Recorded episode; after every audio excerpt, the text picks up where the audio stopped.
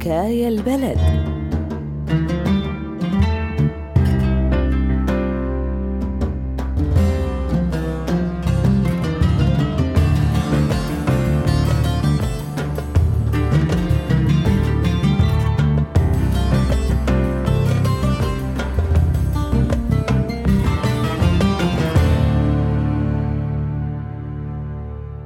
ما في شيء أقسى وأصعب من الابتزاز. المجرمين بيستغلوا حتى موتنا. فوق التهجير والتدمير وفقدان الأحبة بيصير شيء أكثر قسوة.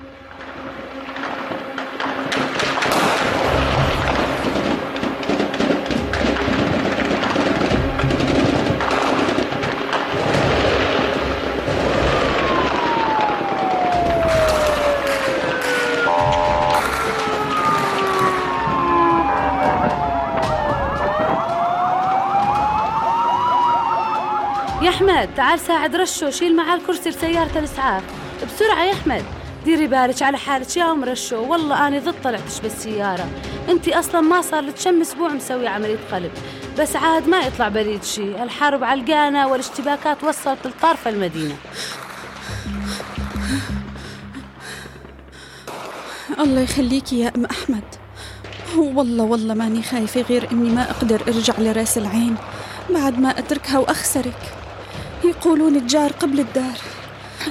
عشرة عمر نحن من عشرين سنة جيران.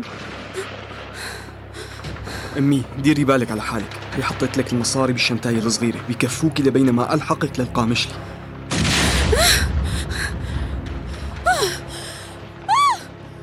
لك يا ابني لا تعاند وتعا معي. الأغراض لجهنم المهم سلامتك. مانك سمعان أصوات القصف والضرب القيامة قايمة ما بقدر يا أمي ما بقدر. بدي أجيب سيارة أنقل أغراضنا الأساسية. من وين بدنا نجيب حق أغراض بالقامشلي وكمان أجيب وثائق ملكية الأرض من غرفتنا هنيك ما تاكلي هم. ما حدا بيموت ناقص عمر خلاص يا رشو خلاص. روح مع عمك وأعطيني المفاتيح. أنا بجيب لك الأوراق وببعتهم. على راسي بس ما بقدر. خايف نطلع وتنقطع الطريق ويضلوا هون. نتبهدل. ما رح أطلع إلا معهم. بدي أركب السيارة يا أمي. عجلي عجلي. قربانك يا رشو. دير بالك على حالك. خلي تليفونك دايما مشحون. لا تقطعني. بخاطرك ام أحمد. الله يرضى عليك يا أحمد. الله يرضى عليك. الله يخليكي يا ام أحمد. الله يخليكي لا تبكي. عم برجف. عم تخليني أرجف وأحس ماني رح أرجع. والله مو بيدي يا عيني. الله معك بخاطرك. بخاطرك يا ام أحمد.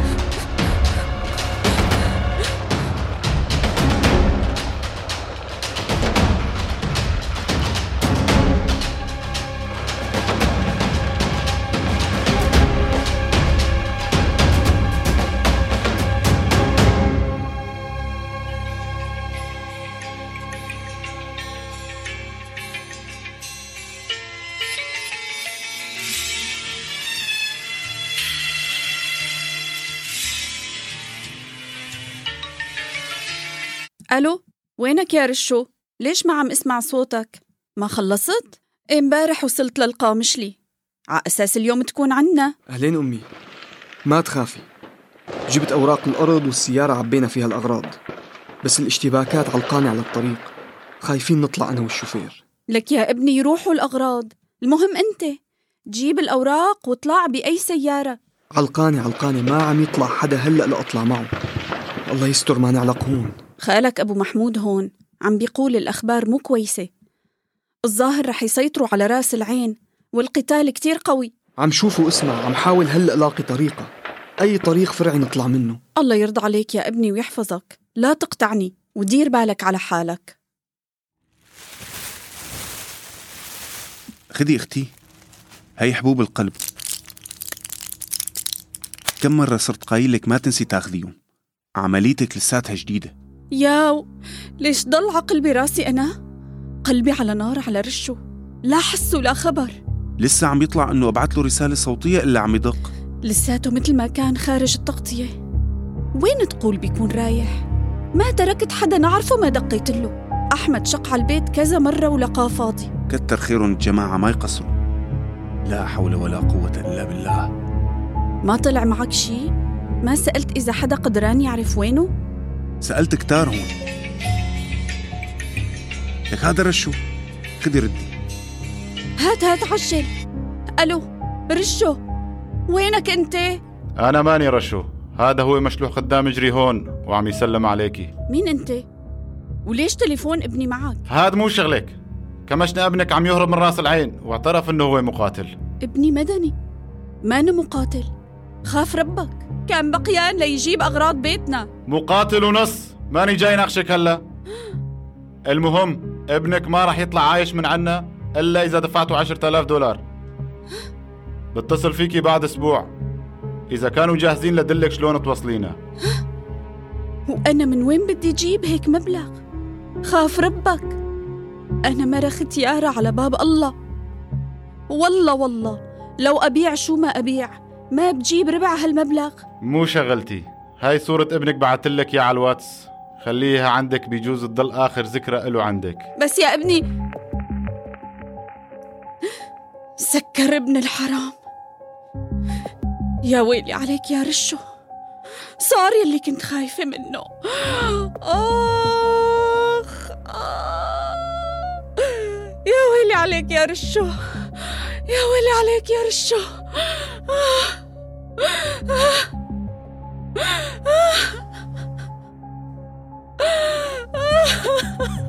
طولي بالك يا أختي مشان صحتك مو كويس. الله يلعن أبوهم. ام رشو تليفونك عم يدق. رقم غريب ليكونوا هن. هاتي هاتي من إيدك. ألو. مرحبا خيتي ام رشو شلونك؟ أنا عبد القادر. عم حاكيكي من رأس العين. الله لا كان جاب الغلا. شو بدك مني؟ خبروني إنك بلشت تشتغل معهم يا ابن الأوادم. هدول اللي هربنا منهم وكامشين ابني بدهم فدية. الله يسامحك يا خيتي ام رشو. عم نسترزق ونمشي حالنا. الشغلة ما هي على كيفك ولا على كيفي. القصة أكبر منا بكتير. لا بقى تقلي خيتي. القصة صغيرة إلا كبيرة. المهم شو بدك هلأ؟ سمعت من الجيران إنه ابنك مكموش وطالبين منك مبلغ كبير. فقلت أعرض عليكي خمسة آلاف دولار أشتري بيتكم بنور الله. ليش أنت بتعرف الله؟ لو كنت بتعرفه ما كنت اشتغلت معهم وما كنت عرضت علي هيك مبلغ. بتعرف البيت بيسوى قد هالمبلغ بثلاث مرات. ما تستحي على شيبتك تستغل وضعنا؟ على كل حال ما رح بيع. بدي حاول أدخل واسطة خليهم يفلتوا لابني.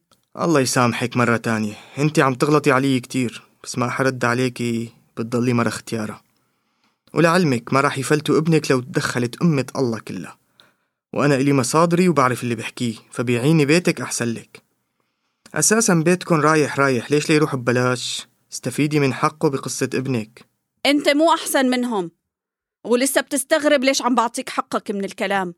والبيت ماني بايعتك ياه واللي يصير يصير. خلي يدخلوا ويضلوا فيه قد ما بدهن. وما رح أعطيكن إياه برضاتي. خليكن حرامية. إيه بكيفك. اتقي شر من أحسنت إليه. أنا جاي أساعدك وأنت قاعدة تسبي فيني وترفسي النعمة. نعامة يلي ترفسك وتجيب أجلك. أنت جاي تنهبني. يكون بمعلومك. راجعين للبيت. والبيت له أهل وناس بيت أهلي. أجيال ولدت وربيت فيه. وهلأ جاية بدك تشلحنا يا بتراب المصاري؟ يا عيب الشوم عليك.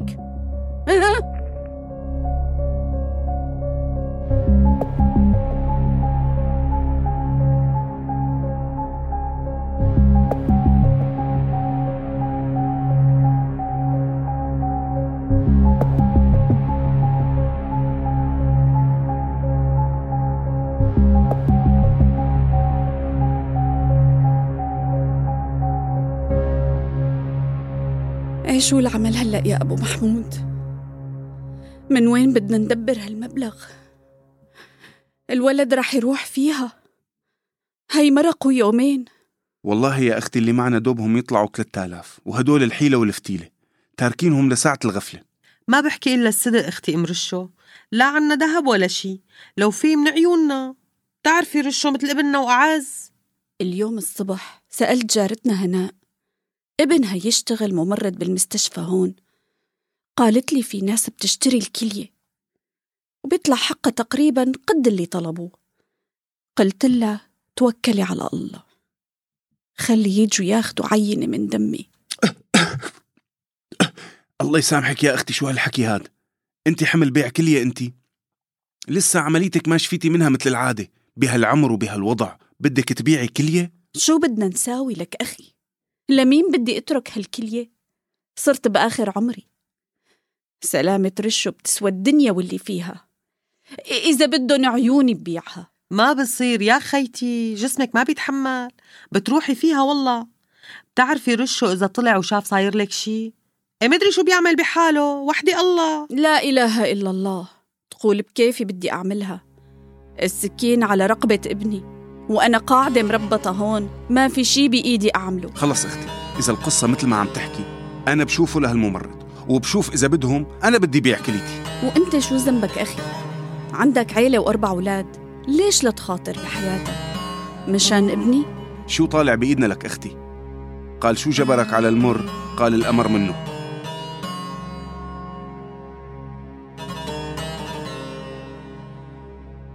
وين رايحة والدنيا قايمة قاعدة يا أختي؟ وأنت مريضة؟ قلت لك أنا ما بقدر. بس بخلي واحد من ولادي أو أم الولاد تروح بدالك لرأس العين. ما بدي يا أخي. ما بدي حدا يخاطر بحياته ويروح يكمشوه مثل رشو. ما بكفي أنت بعد كليتك مشان ابني. المشكلة بعد ما عطوك العنوان ما رحتي لخلصنا العملية واستلمنا المصاري. بتعرفي إذا لازم تروحي لنفس العنوان اللي عطوك إياه؟ والله ما بعرف. بعدها دقولي كم يوم ورا بعض إنه شو صار معك؟ وبعدها بطلوا يردوا علي ولا اتصلوا. بس ربك ما بيضيع حدا. رح روح واسأل. ما تنسي تاخدي أم أحمد وابنها معك لهونيك مشان المصاري ها لا لا أخي. ما بدي ورطهم معنا. ليروحوا يتسلطوا عليهم كمان ويأذوهم. رح روح لحالي. والمصاري؟ بتاخديهم معك؟ ما بيتأمن عليهم. والله هدول بيقتلوكي وبيشلحوكي هن ما تخافي. دولارات. ما بيبينوا حخبيهم بعبي. خير يا حرمة. شو بدك؟ سألته قالوا لي إنه ابني رشو مسجون عندكن. جاي أسلم وأستلم. إيه ابنك عنا. فوتي فوتي. تسلم يا ابني. ما فيني فوت. عاملة عملية قلب ومن قبل معي ربو. خليني عم شمها ونضيف هون. روح نادي لمعلمك اللي حاكاني تليفون.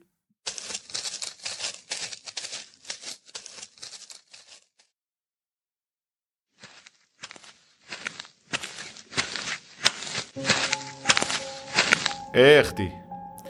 العنصر يقول لي جاي تستلمي ابنك منا. هاتي المبلغ لشوف العشرة آلاف. المبلغ مو معي.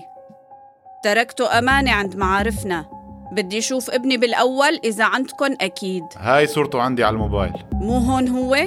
خليني شوفه ما بدي صور. لا مو هون. مخبرة مدينتك لساتها بمكانها. صار هنيك.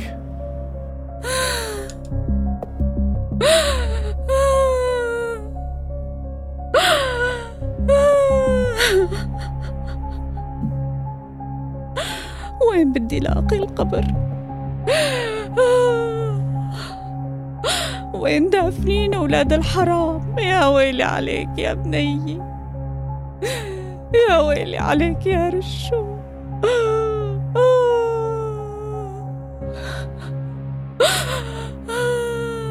طولي بالك يا خالتي أم رشو. شفتك عم تبكي وتمشي بالسوق. الله عطى والله أخذ اماته لا حول ولا قوة إلا بالله. يا بنيي يا رشو. ما في شقفة قبر أقعد أبكي عليه. وشم ريحة ابني من ترابه؟ تعالي يا أمي قومي معي. أنا كنت بعرف من فترة أسبوع وما خبرت أمي. خفت تخبرك خفت عليكي. خليني فرجيكي قبره. هذا القبر اللي حطيت له الشهدة الله يجزيك الخير يا ابني ويكتر من أمثالك. شو هالحكي يا أمي؟ رشو كان مثل أخي أنا وياه عشة عمر. تربينا وكبرنا مع بعض بالحارة. راح. راح الغالي يا ابني وضليت لحالي. ما ودعته قبل ما يموت. طولي بالك يا أمي. نحن كلنا أولادك اعتبريني من هاللحظة بمكان ابنك.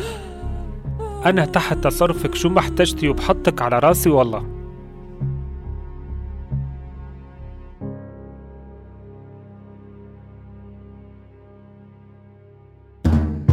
سمعنا سوا حلقة من مسلسل حكاية البلد. حكاية البلد سلسلة بودكاست من إنتاج راديو روزنا وأرتا إف إم وعنب بلدي. كل حلقات المسلسل مبنية على قصص حقيقية من كل مناطق سوريا. هذا المشروع المشترك من تمويل الاتحاد الأوروبي وبدعم من منظمة Free Press Unlimited الهولندية.